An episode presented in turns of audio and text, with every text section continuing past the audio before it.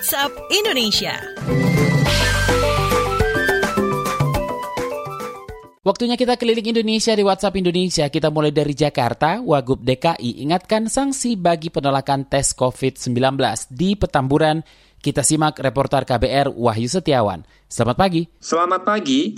Wakil Gubernur DKI Jakarta Ahmad Riza Patria memastikan akan memberi sanksi bagi masyarakat di kawasan Petamburan yang menolak dites COVID-19. Padahal upaya tes dilakukan untuk melacak kasus usai terjadi kerumunan. Menurutnya, bagi warga yang menolak dites COVID, ada aturan denda maksimal sampai 5 juta rupiah. Bahkan jika ada tindakan kekerasan bisa sampai 7 juta rupiah. Ia menambahkan tes COVID tersebut bisa dilakukan mandiri oleh masing-masing orang. Kata dia, organisasi masyarakat juga bisa melakukan tes secara swadaya. Sebelumnya, Polda Metro Jaya dan Kodam Jaya melakukan penyemprotan disinfektan dan tes COVID-19 di area Petamburan. Namun, sejumlah orang menolak untuk menjalani tes. Demikian saya Wahyu Setiawan melaporkan untuk KBR. Selanjutnya menuju Yogyakarta, KPK usut dugaan korupsi terkait Stadion Mandala Krida di DIY. Selanjutnya dilaporkan reporter KBR Mutia Kusuma Wardana. Selamat pagi. Selamat pagi. Komisi Pemberantasan Korupsi KPK tengah menyidik dugaan korupsi di daerah istimewa Yogyakarta.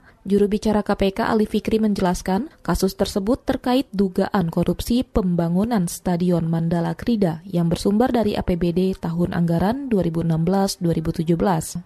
Kata dia, kasus ini masih ditelaah tim penyidik KPK. Penyidik KPK pun memeriksa sembilan orang saksi, di antaranya merupakan Ketua Pokja Pembangunan Stadion Mandala Krida DIY 2016 dan 2017, yaitu Dedi Risdianto. Jubir KPK Ali Fikri menambahkan, pengumuman penetapan tersangka akan dilakukan bersamaan dengan upaya paksa penangkapan atau penahanan para tersangka. Ia menegaskan akan menyampaikan perkembangan perkara kasus ini kepada publik secara transparan dan akuntabel sesuai amanat Undang-Undang KPK.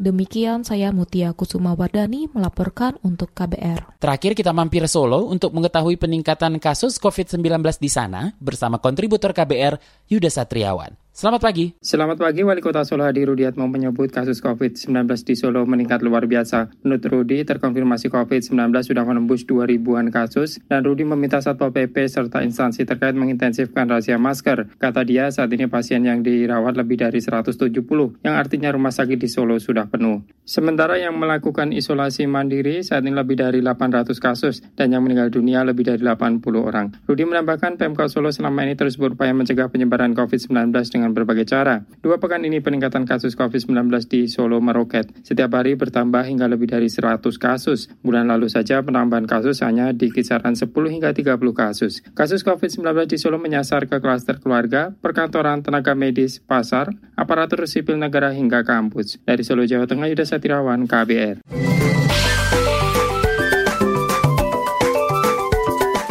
WhatsApp Indonesia.